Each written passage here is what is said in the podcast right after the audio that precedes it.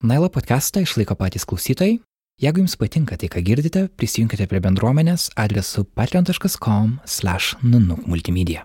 Ačiū tai jau padariusiems. Šis epizodas įrašinėjamas lapkričio 20-ąją. Įvykiai gali būti progresavę tuo metu, kai jūs klausysite.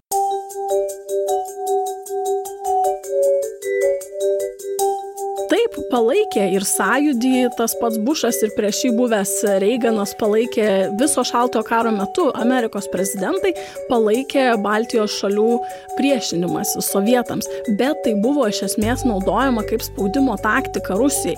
Tai nebuvo palaikymas dėl pačio palaikymo, tai nebuvo iš idėjos. Tai mes, man atrodo, labai yra svarbu nepamesti tų idėjų, kuriomis vadovaujasi sąjungininkai. Nes jeigu mes žiūrime tik į tai, ką jie daro dabar, kad jeigu jiems nepatinka Rusija, tai mes tikimės, kad mes patinkame jiems, bet atmetame tą idėjinį pagrindą, dėl ko jie taip daro. Tai mes labai apsiskaičiuoti galim su tom prielaidom.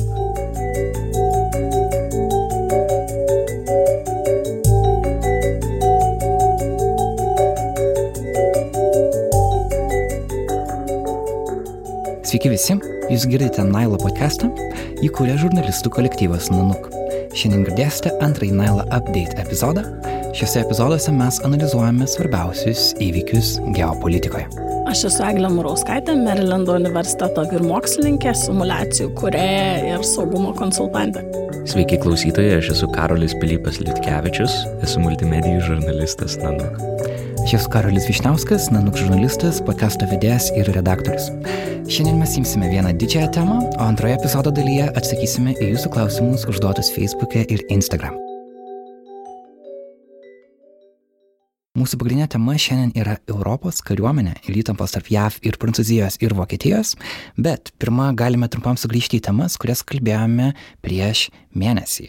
Tada kalbėjome apie augantį nacionalizmą Lenkijoje. Lapkričio 11 dieną įvyko šimto metų valstybės nepriklausomybės atkūrimo metinės Lenkijoje. 200 tūkstančių žmonių susirinko į didžiulį, uh, didžiulės eitynės.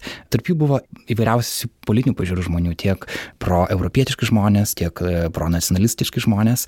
Opozicijos partijos boikotavo šitą į, į visą maršą. Ir klausimas dabar, kaip reikėtų tai vertinti. Ar mes bijom, kad Lenkija gali atsitrūkti nuo ES, kad gali vykti vadinamasis pole exit. Kiek tai yra realu, Eglė, kaip to atrodo?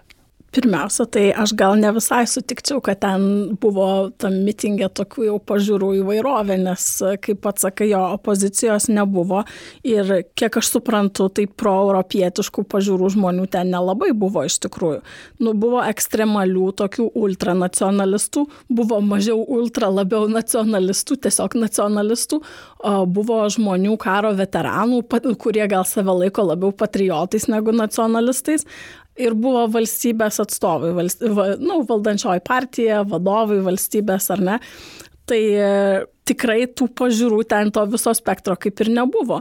Tai mes tikrai matome, kad Lenkijoje tos nacionalistinės nuotaikos stiprėja. Bet kuo reikia labai pasidžiaugti, kaip mes kalbėjom tam mitingui artėjant žygiui, kad e, jokių nebuvo susirėmimų, jokių huliganiškų incidentų, nieks langų nedaužė, nebuvo jokių provokacijų, kad sukiršinti tas grupės, nes taigi tikrai šitiek žmonių ir tos įtampos pakankamai aukštos galėjo visai ten baigtis. Ir kad tie žmonės vis dėlto gražiausiai pražygiavo ir ten kažkokių ypatingai antišūkių ar antiimigrantų, anti kažko tai, nu, nebuvo. Tai jo, aš dar tarsi norėjau, turėjau omeny, kad suprantu, kad idėja buvo surinkti kuo daugiau žmonių į vieną vietą, kad tarsi tie radikalūs nacionalistai įsipaišytų tiek, kad visas Taip. žygis taptų mhm. tokiu labiau tiesiog Lenkijos švente, o ne kažkokiu anti-europietišku. Tai jiems žygiu. pavyko, manau, tas pavyko, nes buvo net bijoma, kad bus e, du paradai atskiri ir kaip čia dabar šimtmečio užroje susiskaldys Lenkija, tai to neįvyko. Gal tiesiog žmonės, kuriam tai pasirodė nepriimtina, jie boikotavo, pasiliko namuose, pasitraukė kažkaip. Bet e, e, aš nežinau, aš nemanau, kad tai yra kažkoks tai ženklas Lenkijos ar pasukimo link ar nuo Europos. Tai yra tiesiog e, val Baltijos valstybių nepriklausomybių šimtmečio metai, tai ir Lietuvoje, ir Latvijoje, ir Lenkijoje, ir visur. Ir kažkaip gal labiau tai yra refleksija, kur tauta save randa, o su užsienio politika aš gal nesiečiau šito. Man atrodo, kad šiuo atveju turbūt labiausiai tą e, radikalią pusę užėmė, kad ir mano mėgstamas The Guardian, nes jis e, tą dalyką nušvietė taip, antraštė buvo radikali dešinė žygiuoja Lenkijoje, nors iš tikrųjų ten tie radikalai paskendo masėje kitų žmonių, apie Mhm, kurias girdėjom. Tai man atrodo, kad e, tai nėra, nėra kažkoks požymis, kaip tu minėjai, bet taip pat labai lengva pamatyti, kad susitikimas su Tasku buvo ten agendai paskutiniai vietai pas juos. Kas yra keista, nes susitikimas su tokio aukšto lygio Europos Sąjungos atstovu turėtų būti viena iš pirmenybių, bet na, matom kaip yra. Mm. Mes jau kalbėjom apie Brett Kavanaugh ir Myčių judėjimo ateitį. Kas naujo Kavanaugh fronte? Jis jau dabar yra oficialiai paskirtas aukščiausio teismo teisėjui, jis jau yra inauguruotas. Taip, tai aš e, ma- matau reikalą, e, kaip pasakyti, atliepti į naujienas, kurios jau buvo įvykę tarp e, praeito podkasto ir dabar. Ir tai buvo, kad, reiškia, viena moteris, kuri kaltino Kavano išprievartavimu, Judy Munro Leighton, e, prisipažino, kad jinai melagingai sakėsi esanti auka ir, žodžiu, bet e, ką tai reiškia, tai ne tai, kad Kavano kaltinimai išprievartavimu buvo melagingi, tiesiog policija turėjo anonimiškų keletą raportų ir šita moteris Judy, reiškia, pasakė, kad vienas iš tų anonimiškų raportų tai buvau aš. Ir tai buvo netiesa. Tai aš manau, kad e, yra svarbu paminėti, kad nors e, tie kaltinimai ir tas šleifas velkasi ir toliau, bet e, gal nėra visi būdai pateisinantis priemonės ir mes aną kartą kalbėjom tikrai labai apie tai, kaip yra svarbu palaikyti moteris, kaip yra sunku kalbėti apie tas seksualinės prievartos istorijas, kaip mažai iš tikrųjų yra ištyriama. JAF sako, kad e, apskritai tik apie trečdalį yra iš vis pasiekę policijos ausis ir aš manau, kad tokie žingsniai iš tikrųjų diskredituoja šitą. O jį pasakė, misiją. kodėl jinai tai darė, kokia buvo jos motivacija šitą sukurti anoniminį ir neteisingą kaltinimą. Tiesiog, kad jie būtų išgirsti, kad būtų balsas, kad tai nebūtų tik tai, kaip sakyti, e, statistika e, policijos dėžutėje, policijos stalčioje, kad buvo mesti kaltinimai, kad būtų galima, kaip pasakyti, įgarsinti, įbalsinti šalia kitų liudijančių asmenų, kad būtų suteiktas balsas. Tai aš visgi manau, kad tai yra neteisinga ir tikrai diskredituoja šitą judėjimą, a, bet kaltinimų kavano tai nemažino. Tai aš tiesiog manau, kad teisinga yra paminėti, kad nors mes, aš manau, ir aš ir jūs esame tikrai už moterų teisės ir turbūt ne, nesame kavano simpatikai, bet negalima praleisti kritikos tokios pro pirštus, kad ne, negalima užglostyti ir sakyti, ai tai vis tiek čia nieko tokio. Ne, ne, nieko tokio. Man tai visada labai skaudu, kada kai yra tokia jautri tema, kai yra toks jautrus judėjimas, kuris e, remiasi pasitikėjimu, kuris remiasi tokiam pa pamatiniam ar vertybėm žmonių, jeigu taip galima pasakyti. Ir atsiranda tokie atvejai, kurie angliškai they're muddying the waters, jie purvina vandenis ir jie paverčia tą situaciją kur kas sudėtingesnė. Ir tada paprastam žmogui tiesiog sunkiau suprasti, nes tokia istorija melaginga, ar ne, dešinė laisvai gali pasimti kaip platformą. Ir sakyti, kad visi anoniminiai kaltinimai yra, E, yra Taip, ir, ir, ir prasideda tas procesas, kuris e, tik dar labiau apsunkina tą situaciją ir, ir paprasčiausiai, nu, man atrodo, paprastas žmogus, kuris nesigilina į tą temą, jis nuo tos temos tiesiog traukiasi, nes jį tampa per sudėtinga, ją per sudėtinga analizuoti ir e, tas, tas, tas procesas tampa toks tolimesnis. Tai tiesiog užbaigiant gal šitą rubriką, dar manau verta pastebėti, kad a, kaip buvome minėję praeitą kartą, kad Kavano buvo pasirinktas nebejotinai dėl savo pažiūrų prieš apkaltą ir tiesiog už prezidento instituciją ir kad mes jau matome dabar tikrai judėjimą ir stiprų spaudimą užglaistyti tą procesą, kuris galėtų versti, vesti link Trumpo apkaltos.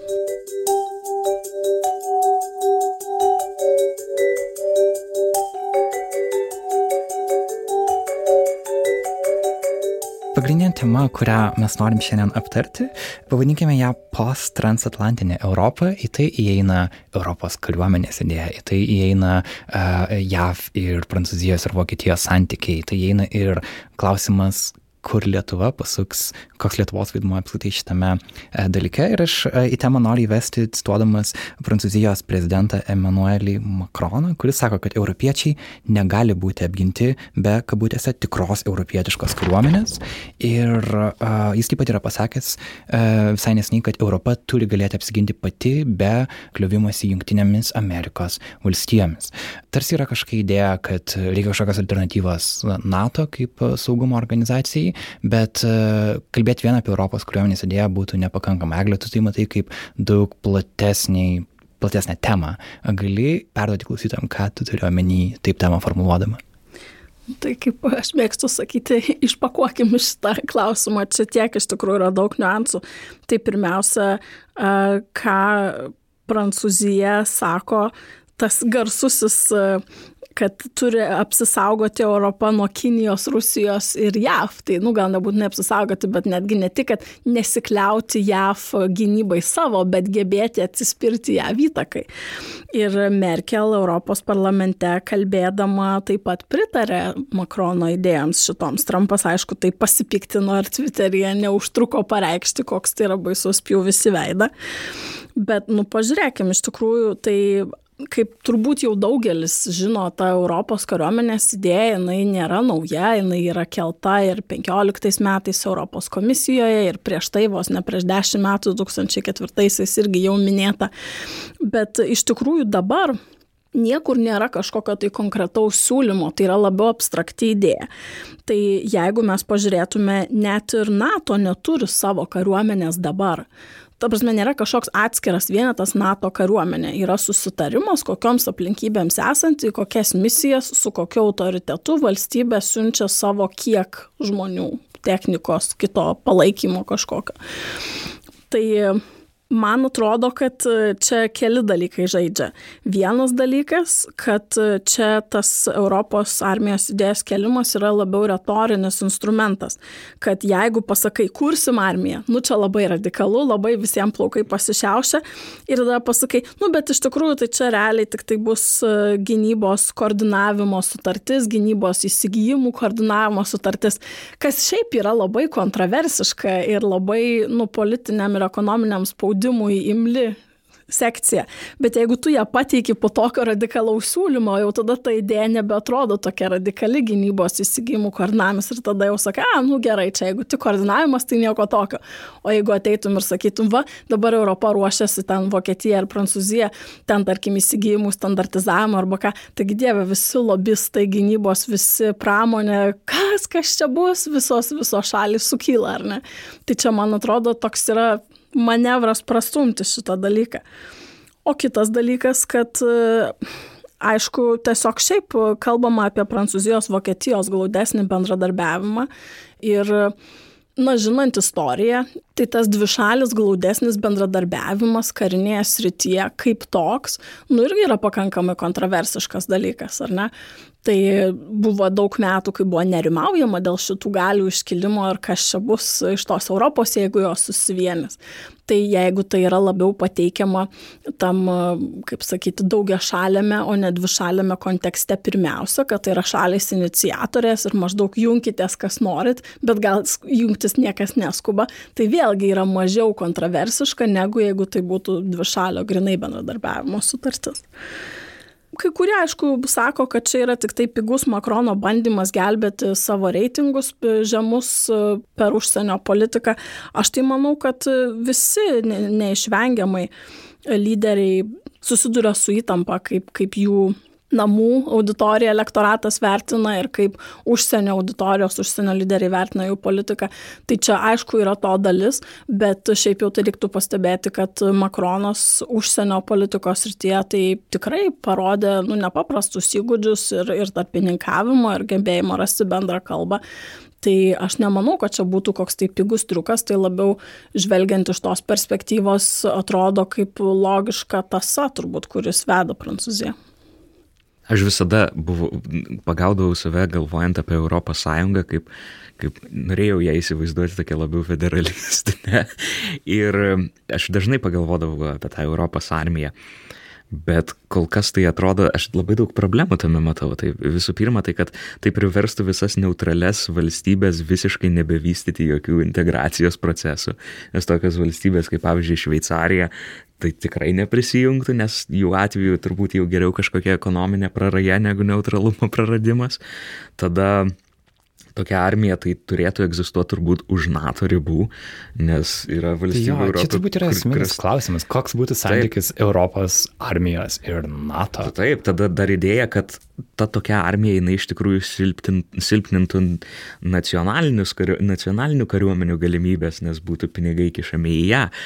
Ir nu, galų gale ES tikrai nėra kažkaip politiškai pasirengusi kūruoti kažkokią armiją. Nėra struktūrų tai... politinės valios, kad būtų reaguojama į konfliktus užtikrintai ir užsienio politika tikrai taptų kažkokia raizgalinė, labiau nei dabar, juk dauguma ES narių turi skirtingus užsienio, mhm. užsienio politikos tikslus. Ir va, prisimink, pavyzdžiui, Irako karą.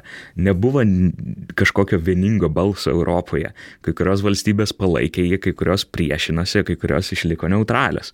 E, tai jeigu ES būtų turėjusi armiją tuo metu, tai ta armija būtų buvus paralyžiuota, nieko jinai negalėtų padaryti.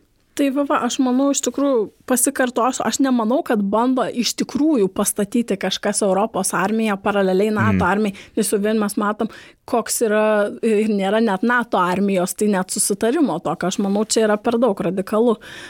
Bet mes matom jau vien dėl NATO, kaip yra sunku susitarti. Ir aš manau, kad čia vat yra dalis irgi atsakymo, kad pavyzdžiui, Prancūzija labai aktyviai vysto karinės misijas Afrikoje, intervencionistinės ganėtinai. Ir tikrai NATO, nu, ne visada pasiekia susitarimą, ne visada pritarė, netgi, pavyzdžiui, dažnai Vokietija kaip tarkim misijai Libijoje, tai visai nepritarė.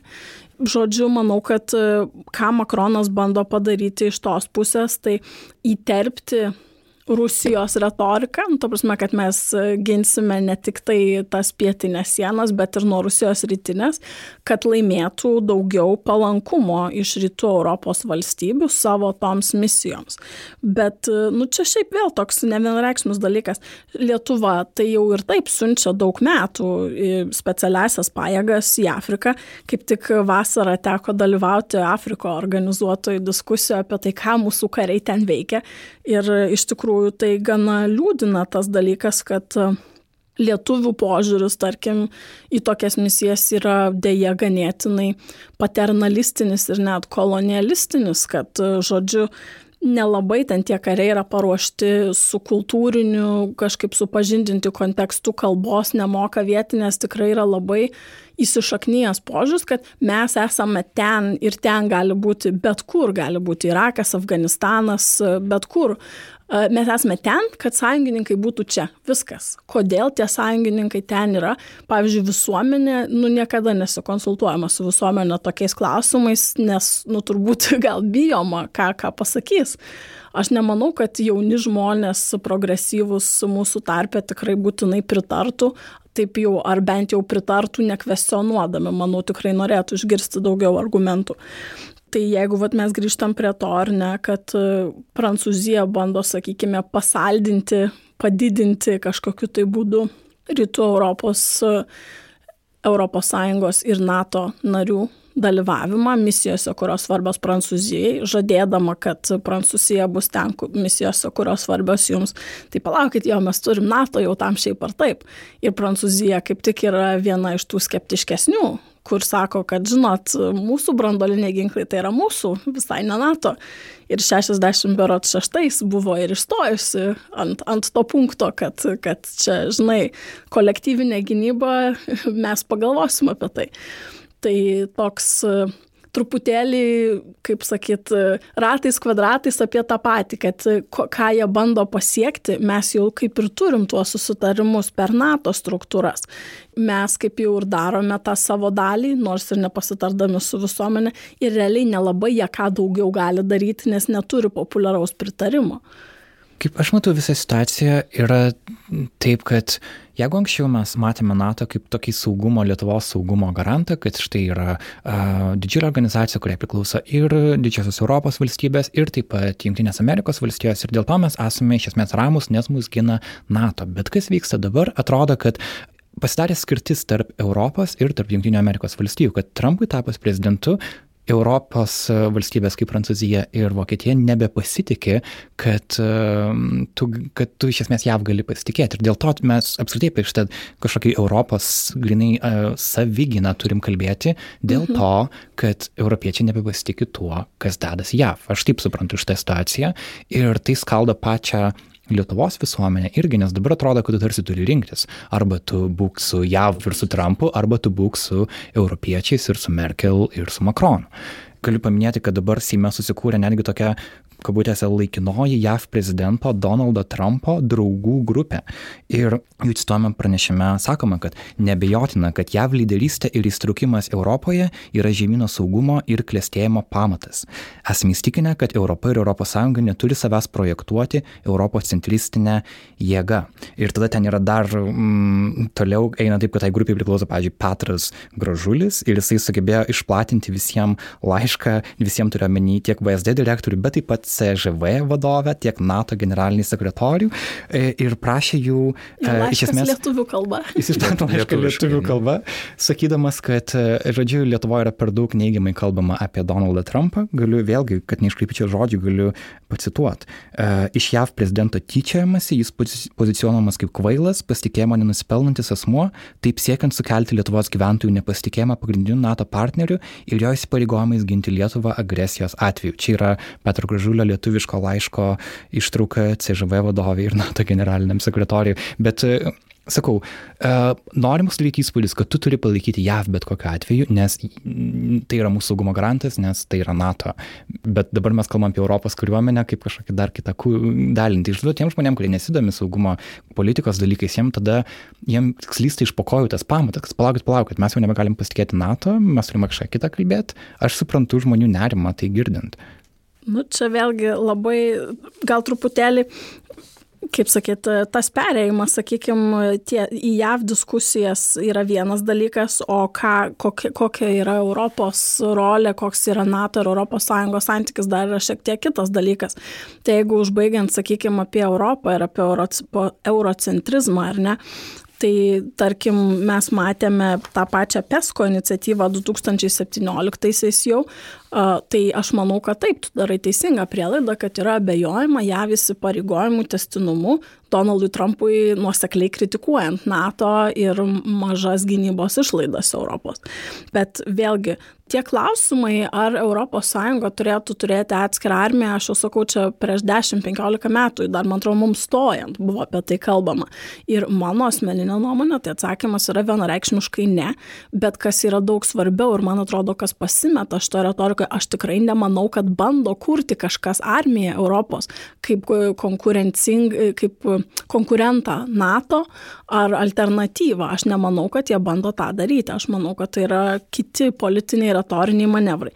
Ir net ir tas pats PESCO, aišku, aš žinau, kad yra Lietuvoje žmonių, kurie jį palaiko. Tai kol kas yra... Paaiškink žmonėm, kurie nežino, kas yra PESCO, kas yra PESCO. Tai yra susitarimas dėl nuolatinio struktūrinio bendradarbiavimo gynybos srityje. Ir tai yra teisiškai privalomas legally binding dokumentas, tai reiškia pasirašus privaloma laikytis. Jo dalyvauja šitame susitarime 25 iš 28 ES šalių ir visos Baltijos šalis, taip pat Lenkija irgi dalyvauja.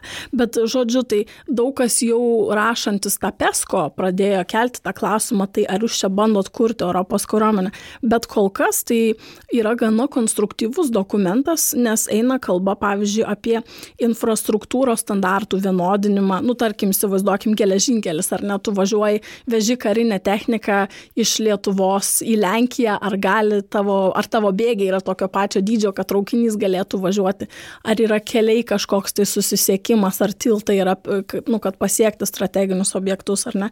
Tai, pavyzdžiui, labai tai infrastruktūra kaip tokia ekonominis dalykas, kas yra puikiai ES, kaip sakyti, interesų ir pajėgumų laukia ir jisai iš tikrųjų turi labai konkrečias karinės implikacijas. Tai aš manau, kad čia yra laikų ir vietoj. Kiti dalykai, pavyzdžiui, yra uostų apsauga arba kibernetinio reagavimo pajėgos greitojo. Tai, nu, čia galima jau klausti. Aš manau, kad čia ES bando žaisti papildančią rolę NATO. Ir nuo 2016 pasirašyto NATO Varšuvo susitikime susitarimo, kad NATO ir ES turi glaudžiau bendradarbiauti, tai aš manau, kad ES pažengė ženkliai link to, kad ieškotų, kokias mūsų ekonominės žemės ūkio logistikos bendradarbiavimo sritis mes galime apjungti ir pajungti, paremti kariniam pasiruošimui kolektyviniam. Tai aš manau, kad čia viskas vyksta į taip, bet vėlgi aš nemanau, kad PESCO yra e, preliudija į Europos armiją, ar kad iš tikrųjų rimtai kažkas bandytų tą Europos armiją statyti. Aš tiesiog manau, kad e, tas neįvardintas dėmuo yra e, standartizavimas įsigijimų ir tai yra labai labai konfliktiškas dalykas. Net pavyzdžiui, ta pati Lietuva Tas pats Trumpo draugas Kašiūnas sako, kad mes savo įsigijimus naudojame kaip geopolitinį svertą, kad mes sakome, mes pirksime vokiečių bokserius, kad vokiečiai labiau norėtų būti pas mus ar ne. Tai dabar įsivaizduokime, jeigu ES priima kažkokią tai direktyvą, nu kas aišku, aš nežinau, nusunkiai įsivaizduotina, bet įsivaizduokim, priima direktyvą, kad nuo šiol visi NATO nariai turėtų, pavyzdžiui, pirkti šautuvus iš šito gamintojo, šaudmenis iš šito gamintojo, o vikšrus iš šito gamintojo, padangas iš kito. Tai iš vienos pusės, tai kariniu požiūriu tai būtų labai puiku, nes pavyzdžiui, jeigu, jeigu čekui pasibaigė šaudmenys, lietuvis gali jam paskolinti, nes tiks tie patys šaudmenys bet iš kitos pusės jau tada lietuviai kaip ir praranda tą geopolitinį svertą. Jau mes nebeturime kuo, kaip sakant, pasaldinti to vokiečių buvimo čia ar kažko. Ir, ir aišku, gamintojai, gamintojai žiauriai konkuruoja tiek Vokietijos, tiek Prancūzijos, tiek tos pačios Britanijos ir Italijos ir Čekijos netgi karo pramonės yra didelės. Ir, ir nu, labai yra stiprus lobizmas, kad nevyktų tas standartizavimas. Ir tai aš manau, kad čia turbūt yra sukama prie to, bet labai per aplinkui. Jo, aš irgi pritariu Eglė ir norėčiau, nu, man atrodo, kad neverta diskutuoti, ar Europos armija yra gera ar bloga idėja, nes tai yra fantazija. E, tai yra kažkas paruošta kita, kitam dalykui, nes iš tikrųjų galima suprasti norą atsikratyti tos amerikietiškos geopolitinės įtakos, nes atrodo, kad jie nėra toks patikimas draugas, kaip atrodo ir nežinau, ar atsikeltų iš lovos, jeigu kiltų čia kažkoks rimtas konfliktas, nes per pirmus du pasaulinius karus Europai reikėjo gerokai pakentėti, kol amerikiečiai prisijungė. Ir man atrodo, kad tas standartizavimas, apginklavimas kariuomenių tą pačią ginkluotę paverstų jas žymiai efektyvesnėmis. Ir tai būtų tas logiškiausias sprendimas iš šitos diskusijos, iš šitos temos.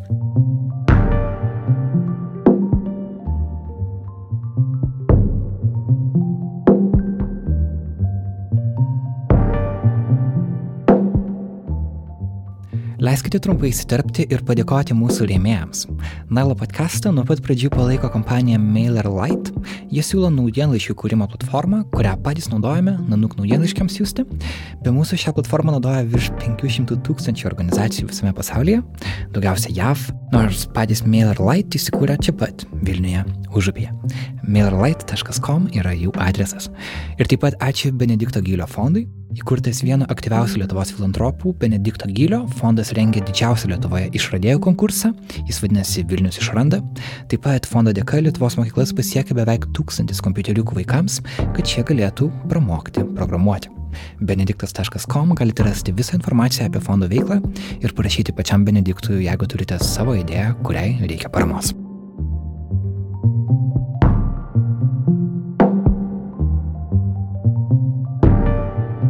Tai grįžkim tada dabar prie to, ką tu, Karoli, pradėjai sakyti apie Trumpo draugų grupę Seime.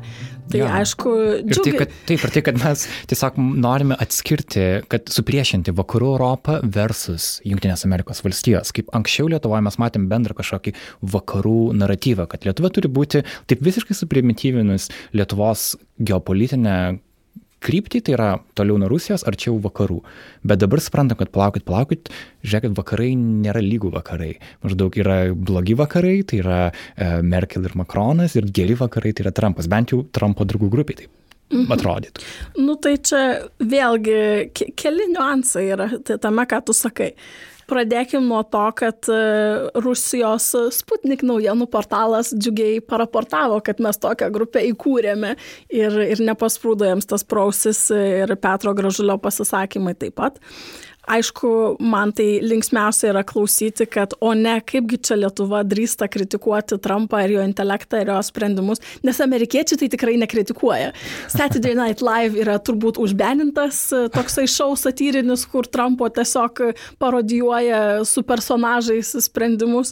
Tai patys amerikiečiai labai kritiškai vertina ir yra didelė visuomenės dalis, kur yra jo nusivylusi, nepatenkinta ir, ir mes tą matome įvairiais pavydalais.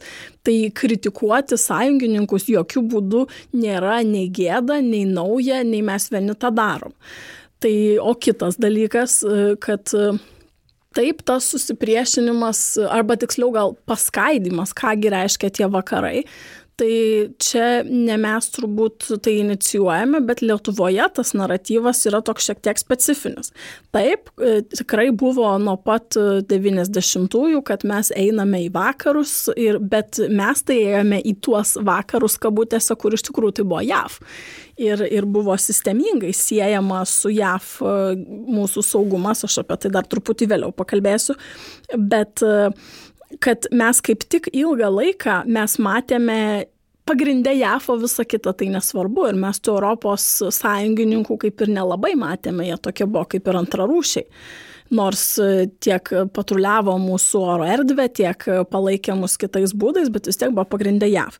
Ir dabar, kai tas JAV įsipareigojimų tvirtumas yra kvestionuojamas, abiejose Atlanto pusėse turėčiau pastebėti, Tai tada ir atsigrėžiam, nu tai kas čia mums dar lieka, ne Merkel e, ar Makronas ar kas ten dar bebūtų.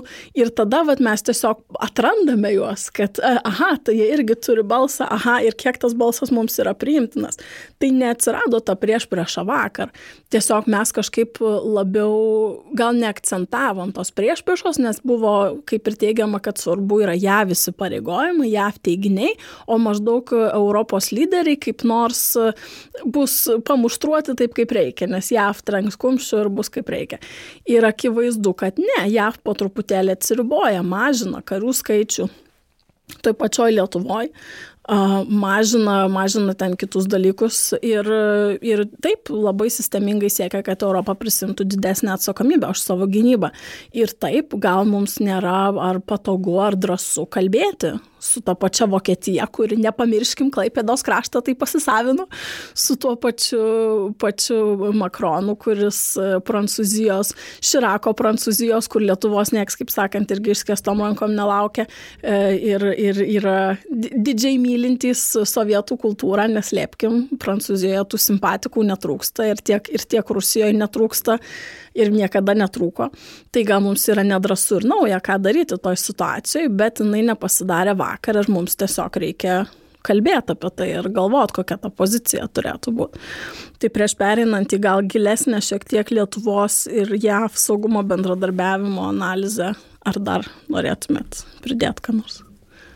Aš gal tik pridursiu tai, kad uh, aš tą skirstimą tarp vakarų Europos ir JAV ir kažkokio siekiai parodyti vienus kaip maždaug, kad čia yra tikroji Lietuvos kryptis, o ne ta, aš matau kaip irgi tokį uh, antieuropietišką naratyvą, kažkokį augantį nacionalizmą Lietuvoje, jis yra statomas ant to, kad mes turime eiti mes su Trumpu, nes jis tarsi kūrė štai tą tikrąją kažkokią saugią Lietuvos e, viziją, nesvarbu, ką jisai daro JAV, bet maždaug mums, mums reikia jo laikytis kartu, kai tuo tarpu, pavyzdžiui, Prancūzija ir Vokietija, kurios e, yra, na, Europos bendrai kultūrai labai svarbios šalis ir kurioms tarsi yra toks Europos daro kažkokią idėją iš principo įkūnė daugeliu klausimų, tarsi me, mes to jau nebematome savy. Atrodo, štai atsiranda tas priešinimas, kad, aha, prancūzai nėra mūsų draugai, nes kaip ir, ir kaip patys sakė, kad tai yra, jie yra bandomi pateikti kaip kažkokį uh, sovietų gal simpatikai, gal dalis jų yra. Bet iš esmės tai tada priešina, kad jie, jeigu jie yra tokie, vadinasi, jie nebus Lietuvos draugai. Tarsi tu nuvykęs į Paryžių, tu nebesijausi toks savas, kaip nuvykęs į Vašingtoną. Nu gerai, tai pasižiūrėkime, iš tikrųjų čia ta, tas dalykas, kad nu, negalima, vienas dalykas, negalima teisti ar nuvertinti gal užsienio politikos bet kokių šalių, ar tai JAV, ar Vokietija, ar Prancūzija, ant tiek, ant kiek jie nekenčia Rusijos, tai ant tiek jie reiškia yra Lietuvos draugai. Bet dažnai nu, ne, taip yra bet, bet tai. Yra taip naivu. Dažnai tai yra vienintelis, vienintelis klausimas, ar ta šalis yra palanki Rusijai, ar ne. Čia yra vienintelis bet, klausimas. Bet, bet, bet aš tau pasakysiu, kodėl tai yra taip, nes e, tai, kad jie nekenčia Rusijos, tai nereiškia, kad jie darys kažką tai Rusijai. Ir dar tai klausimas tai, kad jie nekenčia Rusijos šiandien, ar jie nekes jos rytoj, jeigu Rusija ateis ir pasiūlys gerą ekonominį dylą. Ir kuris, kai kabutėse, o... jie nekenčia Rusijos, turiu meni, kad JAV tarsi nekenčia Rusijos. Ne, ne aš sakau, atrodo, bet kad... kas, okay. bet kas. Aš sakau, kad negalima statyti to, kad kažkurios šalies užsienio politika atėjusio dabar ar prezidento, ar užsienio reikalų ministro, ar Europos komisijos atstovo tos šalies, jeigu jie pasisako, tarkime, kad mes smerkiame, mes smerkiame Putino veiksmus, mes labai smerkiame Rusijos tenais tą. Nu ir kas, kad smerkiame, o tai ką jūs darysite dėl to? Tai čia vienas dalykas. Ir kitas dalykas, kad jeigu smerkia, nesmerkia ar darys, o tai prie ko čia Lietuva? Tai visai nereiškia, kad ne, negalėtų būti susitarta iš naujo kažkas, kas gal kitų žaidėjų akise atrodo kaip didesnio e, geopolitinio stabilumo garantas ir, ir ta Lietuva bus visai nustumta į šoną. Tai čia tikrai mes darom savo meškos paslaugą, dėdami tą lygybės ženklą. O kitas dalykas, kad tai dar pažiūrėkime, nu, kokias vertybės to šalis atstovauja plačiau, ar ne? Paimkim tą pačią JAV, ar ne? Jeigu mes matome, kad nuo Vytauto Landsbergio laikų yra iš esmės pakankamai glaudus ryšiai su Respublikonų partija, ar ne? E, tai mes matom, jeigu pažiūrėtume į prezidentus, kokie buvo išrinkti JAV, ar ne, yra tas populiarusis naratyvas, kad kaip ir Respublikonai yra mums draugiškesni bet tie respublikonai mes kažkaip užsimirštame, už kokias vertybės jie stovi savo e, vidaus politikoje.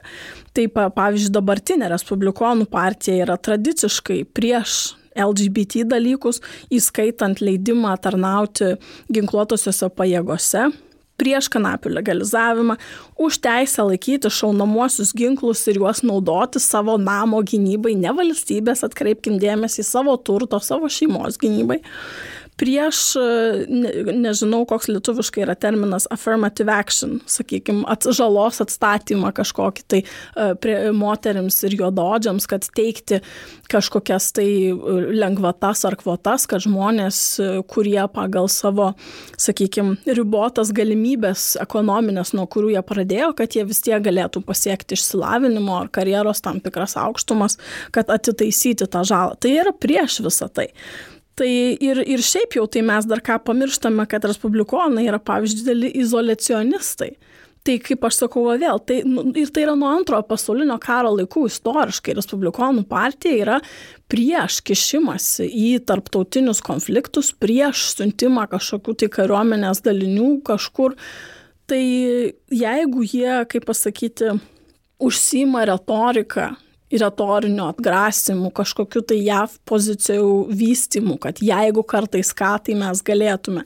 Visai nereiškia, kad jie yra nusiteikę pasinaudoti tomis galimybėmis re realizuoti, kaip sakant, tas grėsmės ir, ir jau tikrai ne Lietuvos jie klaus, kur, kur čia reikia eiti, kur nereikia.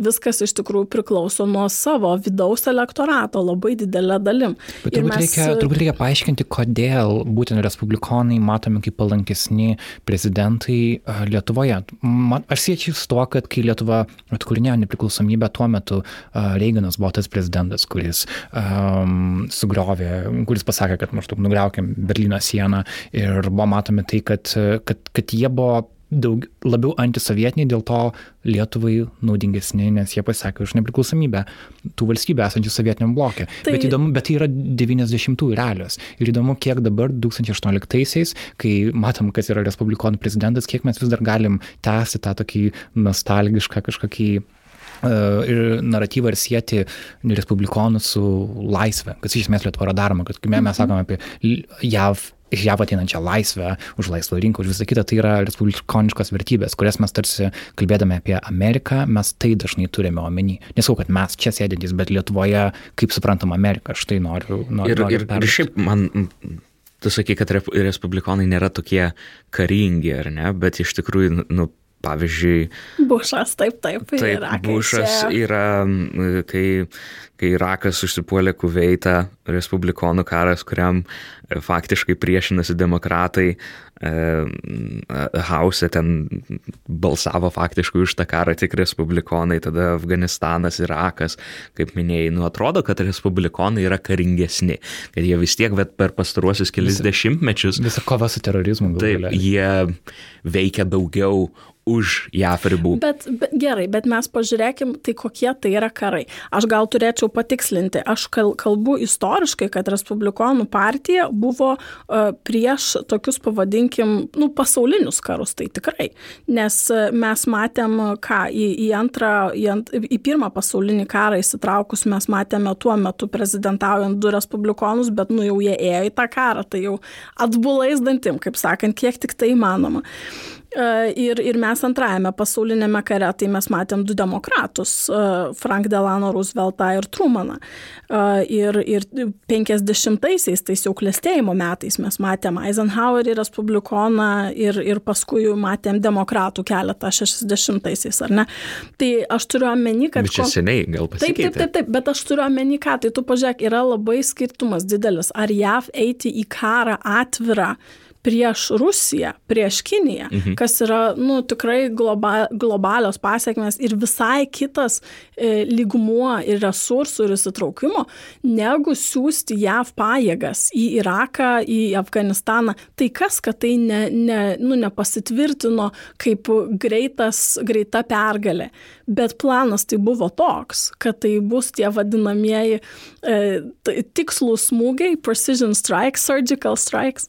Tai žodžiu, kaip chirurgas tiesiog ateis išpjaus ten tą vėžį, kaip sakant, nedemokratinį ir viskas bus gerai. Mm. Tai da, bet ir tai jiems buvo labai sunku įtikinti, labai sunku. Tai tu sakai, kad nebalsavo demokratai ir tai buvo tik respublikonų projektas, bet ir respublikonai nebuvo vieningas frontas, labai daug jų priešinosi tam. Tai aš noriu pasakyti, kad netgi, nu, čia, bet mes turim kalbėti iš ano laikmečio, o ne iš šiandienos perspektyvos, kad net į tokį mažą kariuką, kaip, kaip Irake pasipriešinti Irako invazijai į Kuveitą, net tokiam mažam kariukui jiems buvo labai sunku susitelkti. Tai tokiam dideliam karui, kaip prieš Rusiją ar prieš Kiniją, nu tai yra labai labai sunku, dar sunkiau. Tai bet mes truputėlį gal nukrypom nuo, nuo, nuo to kas, kas labiau eis kovot prieš Rusiją, Aha. prieš į, į tai, kokias vertybės tie žmonės atstovauja. Aš suprantu, kad gal žmonės, kurie yra Lietuvoje, sakykime, Tevinės sąjungos rėmėjai, tai jeigu jiems pasako, kad respublikonai dabartiniai 18 metų yra už šeimos vertybės, tokias kaip gėjams ne, ir žodžiu, tai, nu, jie sako, jo, gal mes irgi taip galvojam, kanapėms ne, nu, gal mes irgi taip galvojam. Bet palaukit, o tai tai kaip su ginklais, tai ar mes tikrai galvojam, kad turėtų kiekvienoje mokykloje mokytojas turėti ginklą, kad suvaldyti situaciją, jeigu nedaug dievė koks mokinys iššoktų, ar mes tikrai galvojam, kad tai yra pateisinama pozicija ir tų, tų niuansų yra daugiau tai mes kažkaip nepagalvojam, kokias vertybės atstovauja. Pavyzdžiui, socialiniai, bet kokie socialiniai pagalbai, ar tai būtų pašalpos, e, ar tai būtų įdarbinimo programos, ar, kaip sakant, e, edukacijos kažkokios tai paskatos. Tai Respublikonų partija tai priešinasi tam. Tai palaukit, tai kur tada jūsų šeimos vertybės ir, ir aš čia apie lietuvišką kontekstą kalbu. Mesgi tai norim tos vadinamosios e, welfare state. Mes tai norim, kad mums ir pašalpas mokėtų, ir pensijas pakeltų, ir, ir mokslas nemokamas, ir, ir visko tik daugiau ir geriau. Tai respublikonai tai nenori. Respublikonų už to teiginio, kad aš su savo šautuvu apginsiu savo namą ir savo šeimą, stovi sekantis teiginys, kad valstybė tai turėtų pasitraukti toliau ir, ir nemaišyti man. O Lietuva tai iš tikrųjų nori tos didesnės valstybės, ar ne, pagalbos, paramos kažkokios. Kaip mums sekasi tą organizuoti, gal yra. Kas šiuo atveju yra Lietuva, kuri nori didesnė, didesnio valstybės įtraukimo? Galbūt tie žmonės, kurie yra žemiau už vidutinį atlyginimą gaunantys, kurie ir sunkiau gyvena, taip. jie taip. Bet jeigu mes kalbame apie tuos žmonės, kurie formuoja viešąjį diskursą, man atrodo, kad Lietuvoje yra suformuotas toks požiūris, kad jeigu tau nesiseka, tu esi pats kaltas. Kas iš esmės yra respublikoniško, mhm, amerikietiško individualizmo toks, toks pavyzdys. Ir, ir kartu iš to pareina ant uh, B dalis, kad jeigu tu labai stengsies, tai tau pasiseks, tu įgyveninsi amerikietišką svajonę. Kas į nuvykus į pačią JAV, tu matai, pats matai, kad daugelis žmonių tuo netiki, bet atrodo, tai, kad Lietuvoje dar tos tai, tikėjimas yra. Tai grįžkim, pavyzdžiui, grįžkim dar žingsnelį į istorinius niuansus, ar ne? Tai pavyzdžiui, tas pats Reiganas, ar ne, kur ten siūlo... Kuris sien... Lietuvoje turi nuostabiai gerą taip, įvaizdį. Taip, taip. Ir tik, to, ir tik po to, kai tu pradedi domėtis labiau JAV, kultūra, taip, labiau, nežinau, muzika, kinu, tai supratai, kad niekas iš žmonių, kurie tau patinka, nemėgsta Reigano. Čia tai, daugam įvyksta toksai tai, nušvitimas tai labiau įlendant į tą kodėl, kultūrą. Kodėl taip, jie kodėl? jo nemėgsta? Nes e, tai Reiganas buvo tas prezidentas, kuris iš esmės, nusakykim, kaip sugriovė ne kolūkius, o sugriovė tą jų socialinės pagalbos paramos sistemą. Tai pavyzdžiui, man asmeniškai tai buvo visai gal naujiena, kad net keletas miestų 70-aisiais e, JAV ir Kanadoje eksperimentavo e, su vadinamųjų universaliųjų bazinių pajamų modeliu, kad reiškia visiems miesto gyventojams buvo paskirta tam ten kiek buvo kažkur 3 metus ar 5 metus, tam tikras renta, pavadinkime, tai iš kurios buvo galima pragyventi. Tai nu ne kažkokia pašalpa, bet, sakykime, tokis pinigų kiekis, kad jeigu tu ir nedirbsi, vis tiek tau užteks. Neprabangiai, bet taip įmanoma. Ir buvo daromi eksperimentai ir buvo tikrai judama link to ir su visais, kaip sakant, hipių gėlių meilės idėjomis, jokio apetito karui ir, ir nori to, kaip sakant, gerumu pasidalinti. Tai buvo bandoma, žiūrima, kaip tai paveikia žmonių motivaciją, kaip sekasi, ar, ar tai iš tikrųjų veikia. Ir visos šitos programos Reigano buvo tiesiog supakuotos. Tai ne tik, kad mes neturėjome nei jų teisinio, mes net išvadų jokių neturėjome. Aš mačiau šveicarų, atsiprašau, šveicarų, austrų darytą dokumentinį filmą, kur tiesiog yra vizualiai rodomi garažai e, dėžių su duomenimis, kurie niekada nebuvo analizuoti, nes ta programa buvo tiek staigiai nutraukta, kad e, tiesiog e, nebuvo skirta lėšų net apibendrinti duomenis ir pasakyti, ar tai buvo verta ar ne neverta. E, ir daug kas iš JAV populiarių prezidentų, pavyzdžiui, e, skaičiau kitą dar senesnį atvejį e, Ayn Rand, kad tarkime 40-30 metais buvo kalbama, kad sta, Stalinas, reiškia Sovietų sąjunga, taigi mūsų sąjungininkai yra kare, tai reikia jos palaikyti ir, ir Holivude, pavyzdžiui, taip pačiai Ayn Rand rašytojai, kuri leido pirmąjį romaną savo apie žiaurumus e, stalinistinio teroro ir, ir tos raudonosios revoliucijos, kad tai buvo baisiai sunku rasti ne tik tai, kas spausdintų tą knygą, bet ir bet koks dėmesys. Tai čia, nu, tokia provokacija, kaip dabar kalbėsi prieš rusus, ar ne, nes juk jie mus padeda kovoti prieš nacius, tai mes turėtume kalbėti už juos ir remti. Tai, tai yra pakankamai populiarios figūros, kur mes, nu, mes nežinom tokių va. Čia kaip keista, nes man atrodo, kad respublikonai visą laiką buvo visiškai prieš tą patį Staliną, prieš komunizmą iš principo. Ir iš čia ir ateina tas požiūris, kodėl reikėtų mums būti kartu su respublikonais, nes jie, nu, vėl grįžtant prie tą istorinį laikmetį, nes jie buvo prieš Sovietų sąjungą. Ir tas, manau, yra visiškai suprantama, kai tu nori atkurti nepriklausomą valstybę, tu žiūri, kas tave palaiko, tau tik paskui įdomu, kokią socialinę politiką tie žmonės vykdo. Bet aš vis ko noriu grįžti, kad dabar nebėra tas laikas, dabar yra 2018 mhm, mhm. metai ir man keista ta nostalgija respublikoniškumui, nes dabartiniai Lietuvai tos idėjos sukūrė didžiulę socialinę lygybę ir daug emigraciją ir didelės kitas problemas, kuriuo mes turim dabar tvarkytis. Tai taip, bet žinai, aš tai, kaip sakyt, pagarbiai nesutinku su tavim. Man atrodo, kad negalima vien tik tai taip siaurai vertinti mūsų sąjungininkų ir atsiriboti nuo jo vidaus politikos vertybių visiškai. Man atrodo, kad negalima sakyti, kad pirmiausia jie tegu nekenčia rusų, o jau paskui mes pažiūrėsime, sakau, kas su savo žmonėmis. Tuo metu, kada atgriuvo Sovietų sąjunga, kada Lietuva siekia nepriklausomybės, aš labiau tai suprantu, kad tada žmonėm buvo nesvarbu, kas, jeigu tu palaikai nepriklausomybės Lietuvos idėją, tu su mumis. Bet nu, dabar gerai, yra kitas laikas. Gerai, tai tu pažiūrėk, aš tau kitą pavyzdį duosiu tada, va, iš kaip tik to laikotarpio.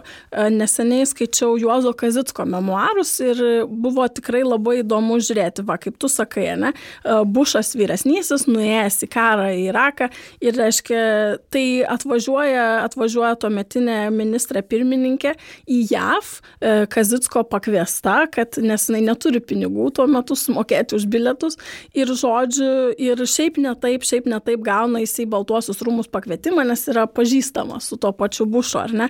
Ir ateina ir, ir Bušas labai maloniai jos išklauso, Bušas vyresnysis, bet sako, žinot, Gorbačiovas yra reformas orientuotas, jis yra labai progresyvus, mes negalime rizikuoti kontinento destabilizavimu ir, nu, jūsų nepriklausomybė, sorry, bet, nu, negalime mes viešai paremti šiuo metu.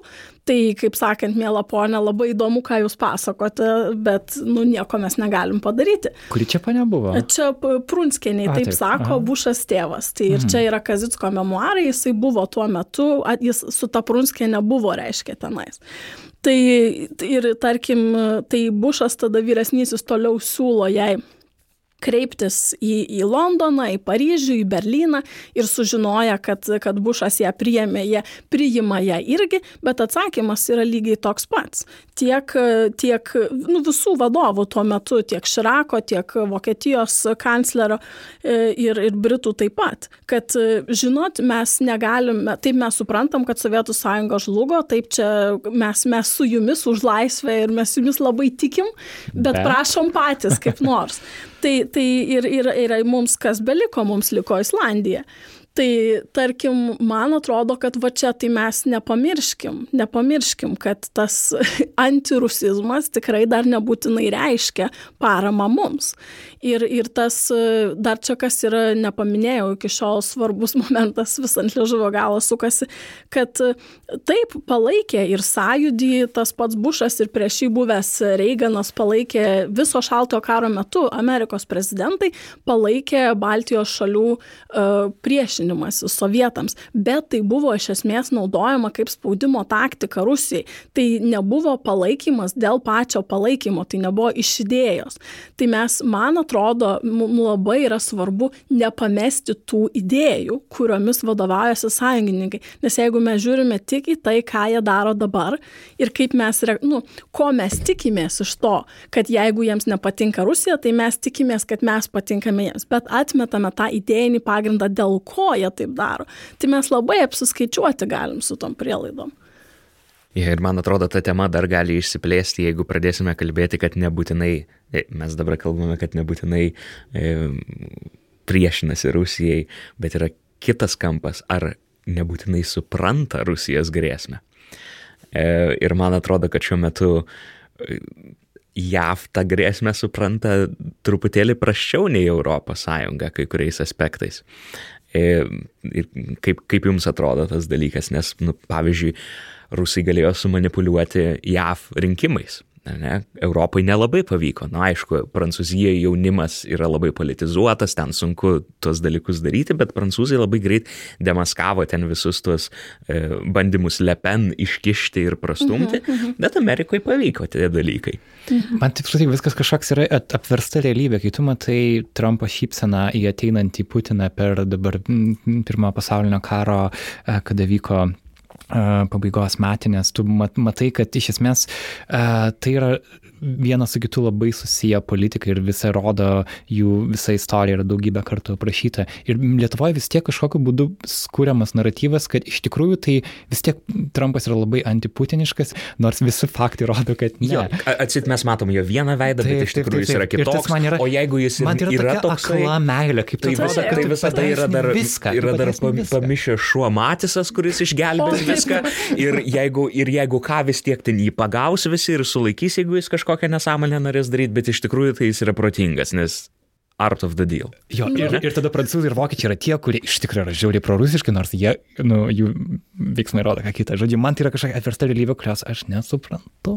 Nu, čia iš tikrųjų yra daug niuansų ir tai net nežinau, nuo ko čia pradėti. E, vienas dalykas, kad man tai smagiai mane nuteikia, kai pavyzdžiui girdžiu remarkas NATO pareigūno atsakingo už energetinį saugumą, vokiečio, kai jisai išreiškė didelį skepticizmą, ar mes tikrai galėtume nedaryti Nord Stream 2, nes, nu, žinot, jo, Rusija ne kažką, bet, nu, energijos tai reikia, nu, tai ką jau padaryti. Jis pasakė Lietuvoje, ar ne? Taip, taip, taip.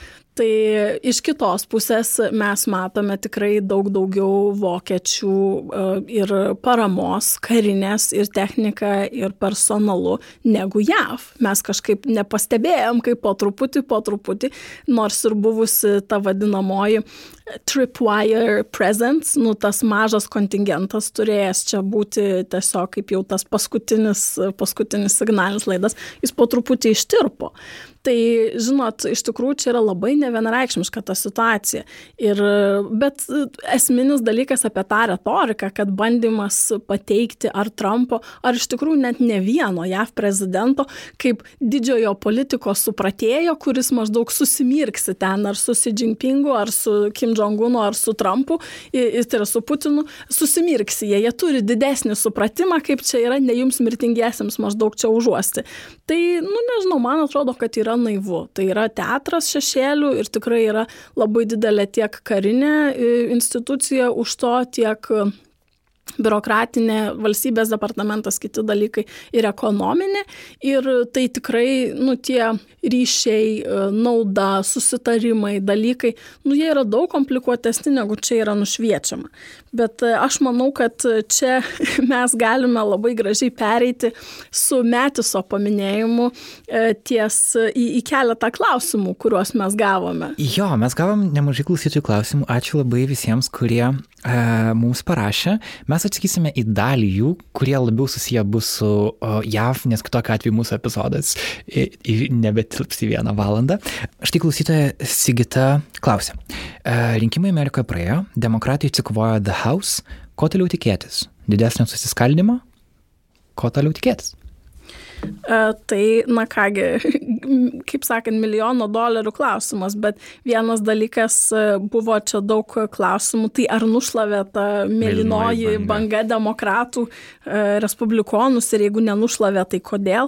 Tai tiesiog keli, keliais punktais taip demokratai padidino savo skaičių atstovų rūmose, gavo daugumą, skaičių persiskirstimas šiaip tai nebuvo labai ženklus. Tai prieš tai turėjo demokratai 193 vietas, dabar turi 232, daugumai reikia 218. Respublikonai turėjo 235, dabar 198. Tai mes matom, kad tas apsivertimas, nu pats santykis labai panašus išliko, bet dabar taip, demokratai turi persvarą.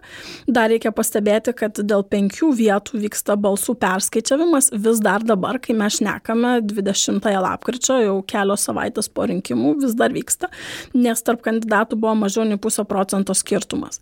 Aišku, buvo ir įvairių mesta kaltinimų dėl manipuliavimo e, tais balsavimo aparatais, kad dalis demokratų balsų būdavo arba neįskaitoma, arba užskaitoma respublikonam, bet kol kas nepasitvirtino. Tai, tai yra tyriama, bet nepasitvirtino. O balsai perskaičiuojami dėl būtent to mažo skirtumo reikalauja dėl to didesnio tikslumo. Bet, na ką, aš tai manau, kad pati Amerika yra šiuo metu tiek polarizuota, kad mes negalėjome tikėtis, nu, tokio iš serijos šimtas nulis rezultato. Yeah. Tai čia gal buvo šiek tiek užhypinta per daug tas dalykas. Tai manau, gal teko jau matyti, kam ir iš klausytojų man labai patiko tie internete plintantis vaizdeliai, apie kiek mes pamatėme pirmųjų kartų šiuose, šiuose rinkimuose ir būtent pirmųjų kartų atstovaujant prieštaraujančių demokratinėms e, liberalioms idėjams Amerikoje. Tai pavyzdžiui, pirmos dvi moteris musulmonės išrinktos, dvi turime indienės Amerikos išrinktas, pirma ispanakalbė lesbietė Teksaso gubernatorė. Tai manau, wow. toks visai ne, neblogas mišinys, ar ne, toje respublikoniškoje konservatyvioje valstybėje. Pirmos e, gubernatorės, viena translytė, kita biseksuali, tai mes iš tikrųjų matome didžiulį tų LGBT pakilimą.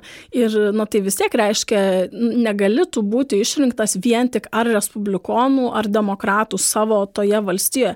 Reiškia, dalis priešingai manančių rinkėjų irgi turi tavimi patikėti. Tai aš tiesiog manau, kad daug pasisekė demokratams akcentuojantiems būtent sveikatos apsaugos ja, tai reiškia, kad žmonės... ir to gerovės klausimus patraukti neapsisprendusiosius labiau į savo pusę. Taip, taip, reiškia, kad rinkėjai balsavo už žmogų, nesvarbu, jis yra transseksualus, bet jeigu jo politika jam tiko, galbūt konserv... už respublikonus paprastai baltoni žmonės vis tiek balsavo už tą žmogų, taip. kas. Taip, ir, ir žodžiu, buvo aišku kalbama, e, girdėjau netgi Lietuvos dešiniųjų komentatorių minėjimą, kad taigi tokia stipri dabar ekonomika ir žemas nebarbo lygis, tai kaip, kaip Trumpui, kaip sakant, tik lieka susirinkti laurus. Bet tai palaukit, tai čia yra Obamos palikimas, o ne kažkoks tai magiškas savotiškas triukas, kurį Trumpas per tokį trumpą laiką iš, ištraukė iš skribelės. Tai manau, kad reikėtų ir tai atsižvelgti. Ir demokratų dauguma dabar tuose atstovų rūmose labai svarbus dalykas duos didesnę užsienio politikos kontrolę. Nes Trumpas prieš tai galėjo, turėjo daug didesnį, pavadinkime, institucinį nebaudžiamumą. Ir manau, kad galima bus tikėtis, nu, ar pritarėm ar nepritarėm mes Trumpo užsienio politikos idėjams, čia kitas klausimas, bet bet kuriuo atveju jos tiesiog jis turės daug daugiau pasistengti, kad jas prastumtų. Bet Bet kitas dalykas, dar ką noriu paminėti ir čia gal perėsime jau prie kitos klausytojos Agnieškos klausimą, Aha. kad Trumpas labai akcentavo savo antiimigracinę politiką būtent. Jo, ir Agnieška, Agnieška klausė, uh, tiksliau, uh, jinai sako, net ne, ne kaip klausimą formuluoju, tiesiog sako, migrantų karavanas prie Meksikos, uh, JAV pasienio ir amerikiečių karių dislokavimas prie pasienio. Kas kiek teko girdėti, yra neteista Šiaurės Amerikoje. Kokia mhm. ten dabar situacija? Klausė ji. Na, iš tikrųjų tai ne tik Trumpas yra siuntęs e, karius prie sienos, tą darė ir, ir Bušas, ir Obama. E, realiai karinės pajėgos pagal teisę negali e, kištis ten, ta prasme, jos negali enforcinti imigracijos teisės, tai jos turi ten funkcionuoti kaip nacionalinė gvardija. Tai jie faktiškai ten be ginklų stovi E, palapinėse ir šiandien jau pasiekė mus naujiena, kad iš tikrųjų jau po truputėlį visi tie kariai pradės grįžti namo. O tas karavanas kaip ir būna su tais karavanais, nes čia ne, ne pirmasis atvejis, jis po truputėlį ten, kol jisai pasiekė Ameriką, jis nu, nubirėjo ir labai nedaug iš tikrųjų žmonių pasiekė Ameriką. Tai tas politinis triukas jis kainavo 200 milijonų dolerių. Tai man norėjau sakyti, jis netoks jau ir pigus triukas. Taip. Bet kas yra įdomiausia, tai kad e, buvo siunčiami tie kariai e, kelios savaitės iki rinkimų ir tuo metu, kai jie buvo siunčiami, tai tas karavanas dar buvo už kelių šimtų kilometrų.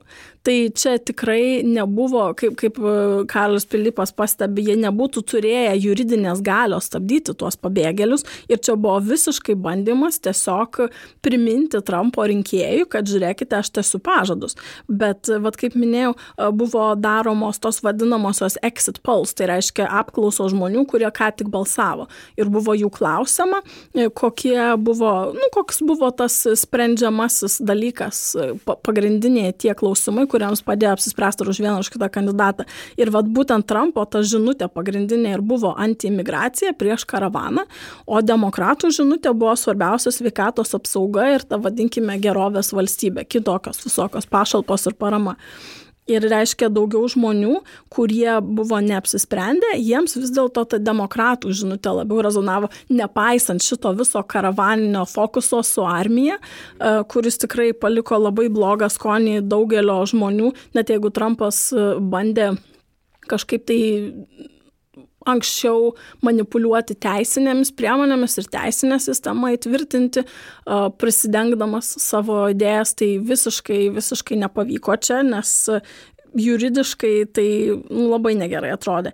Ir čia verta dar paminėti Jamesą Metisą, kad daug žmonių gynybos ekspertų ir to pačio Pentagono ir analitikų labai nusivylė, kad gynybos sekretorius ne, nepasipriešino tokiam politizuotam kariuomenės naudojimui.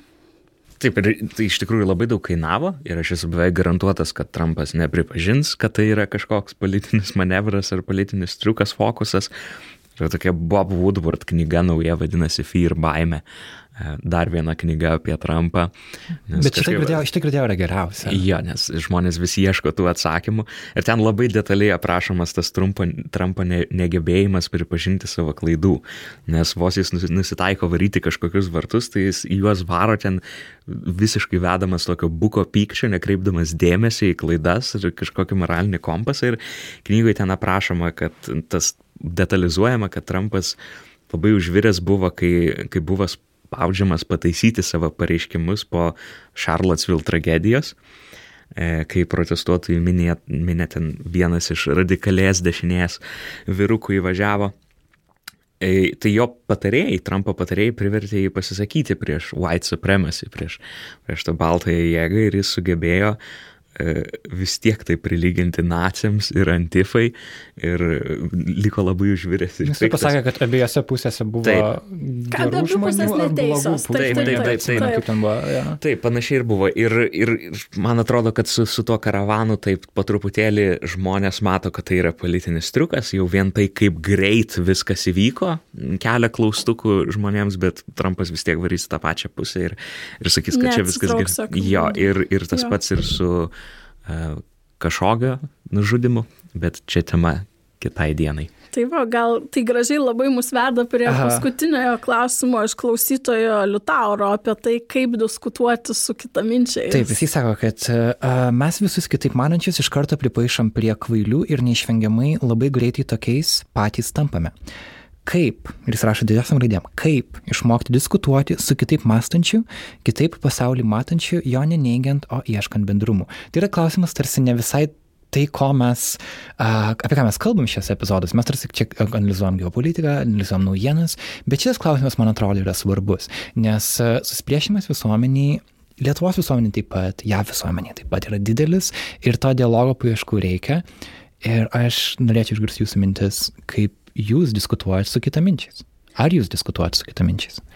Tai čia tikrai, manau, yra svarbus klausimas jau vien dėl to, kad aš turiu gal vilties, kad ne vien tik tai liberalių demokratinių pažiūrų žmonės klauso ar mūsų podkasto, ar galbūt ne visada pritarė tai, tai ką, tam, ką aš sakau, ar karaliai ką sako. E, ir iš tikrųjų tada klausimas, e, nu tai ką daryti su ta informacija, ar parašyti neapykantos kupiną komentarą, ar laišką, ar išdėti iš šuns dienas privačiai, ar tiesiog spjauti, ar pagalvoti, hm, tai gal čia kitas požiūris. Tai aš buvau rašęs, tarp kitko, pernai jau IQ The Economist straipsnėje apie tai, kad Lietuvoje labai trūksta to pagarbių diskusijų kultūros. Ir, nu tai ką čia, žiūrint iš ir iš politinės psichologijos ir apskritai e, elgesio mokslų perspektyvos, tai e, turbūt laiko ir dėmesio stygius apskritai lemia ekstremalesnius požiūrius natūraliai. Tai vienas dalykas, ar ne, jeigu mes turime penkias minutės eterio paaiškinti JAF Rusijos santykiams, tai reiškia, mes turime labai labai supaprastinti e, ir tai reiškia, kad mes kartais supaprastiname taip, kad esminiai niuansai pasimeta arba yra pernelyg skambiomis antraštėmis užvadinami. Ir jeigu tu atsisėstum su tuo žmogum ir pakalbėtum detaliau, tai ką tu čia turėjo omenyje ir jisai paaiškintų ir tu suprastum, kad gal yra to požiūrių skirtumai netokie dideli, kaip tau atrodė. Bet kadangi aš turiu labai mažai laiko skaityti, aš turiu labai, o kaip skaitytojas, o kaip turinio kuriejas, aš turiu labai mažai laiko įtilpti į tą dėmesio spektrą nedidelį, tai čia yra dalis problemos.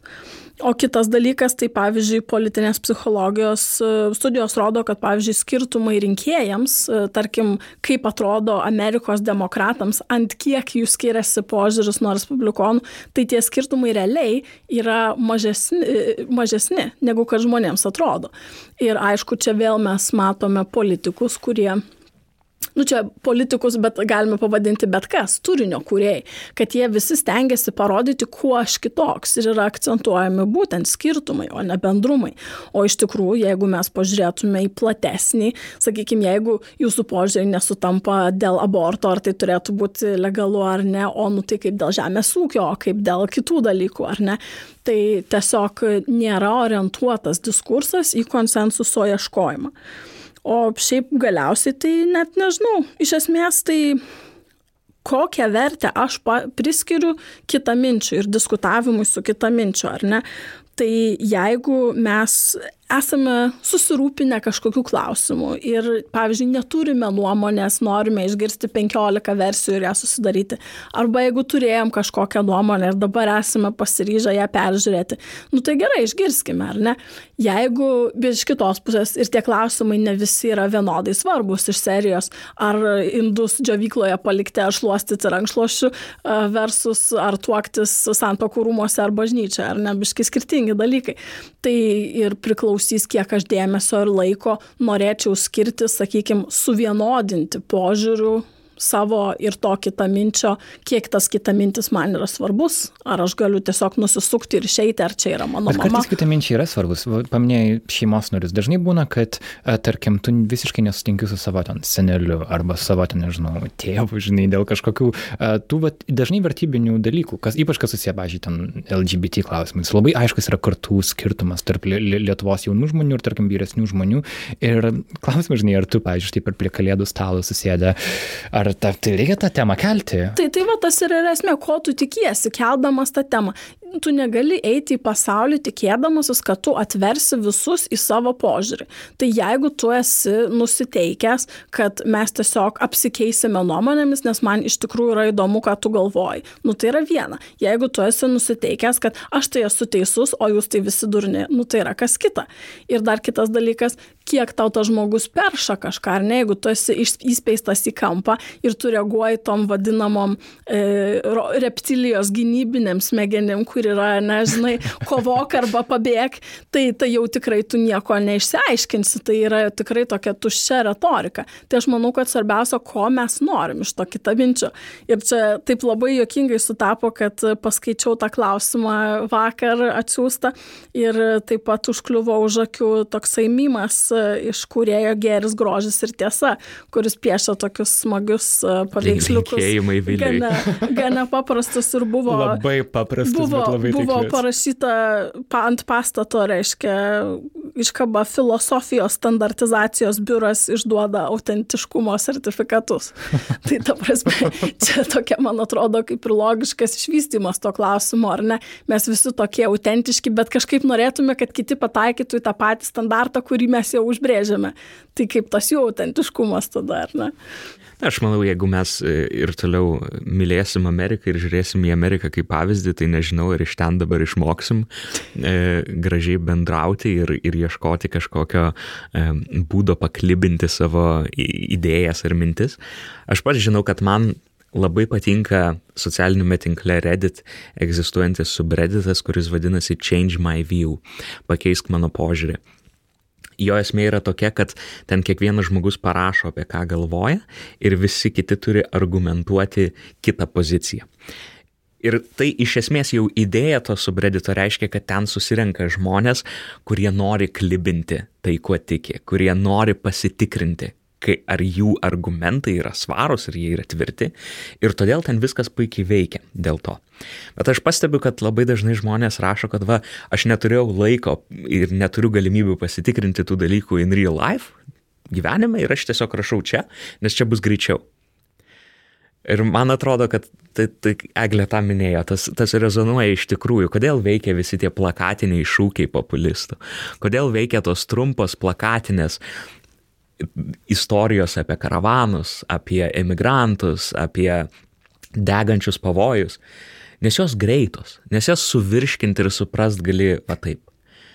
Ir man atrodo, kad turėtume skirti asmeniškai daugiau laiko e, savo nuomoniai. Nes labai dažnai aplinka padeda ir to, ta aplinka darosi vis siauresnė, burbulai vis mažesni, padeda iškristalizuoti tau tavo stereotipus ir tai, ką tu galvoji. Ir tikrai, man atrodo, reikėtų investuoti laiko ir rasto laiko ateiti su mintimi ir noru paklibinti mm. apie tai, ką pats galvoji. Tai va, pabaigai manau, kad ir pakviestume irgi klausytojus ir užduoti mums klausimus ir nebijoti tų provokacijų ir mes mielai svarstysime įvairias pusės. Ir ne, aišku, klausy, klausykite, mėkite mūsų turinį, prašome, bet jeigu jūs klausote ir kažkas jums atrodo nesąmonė arba neaišku, e, rašykite komentaruose, mes mielai diskutuosime toliau. Netgi studijoje būtų smagu susitikti su žmogum, kuris visiškai nesutiktų su to, ką mes šiandien kalbėjome, kuris Tikrai tai. paaiškintų, kodėl respublikonai prezidentai yra geriausi. Kurie mums paaiškintų, kaip mes esame visiškai neteisūs. Bet žinoma, tai reikia, kad tas žmogus mus priimtų kaip lygiavertės asmenybės ir mes jį priimtume kaip lygiavertę asmenybę. Man atrodo, dažnai Lietuvoje diskusija mes pradedame nuo to, kad tu esi už mane prastesnis ir dabar aš tau paaiškinsiu. Ir e, čia yra, turbūt mes turim pradėti nuo lygos pamato ir tada jau mes galim kalbėti. Jeigu to pamato nėra, tada ta diskusija yra pasmerkta. Ačiū klausytėm už klausimus ir Agle Karl, ačiū. Kad, ačiū tau. Tėtis studija. Kartu.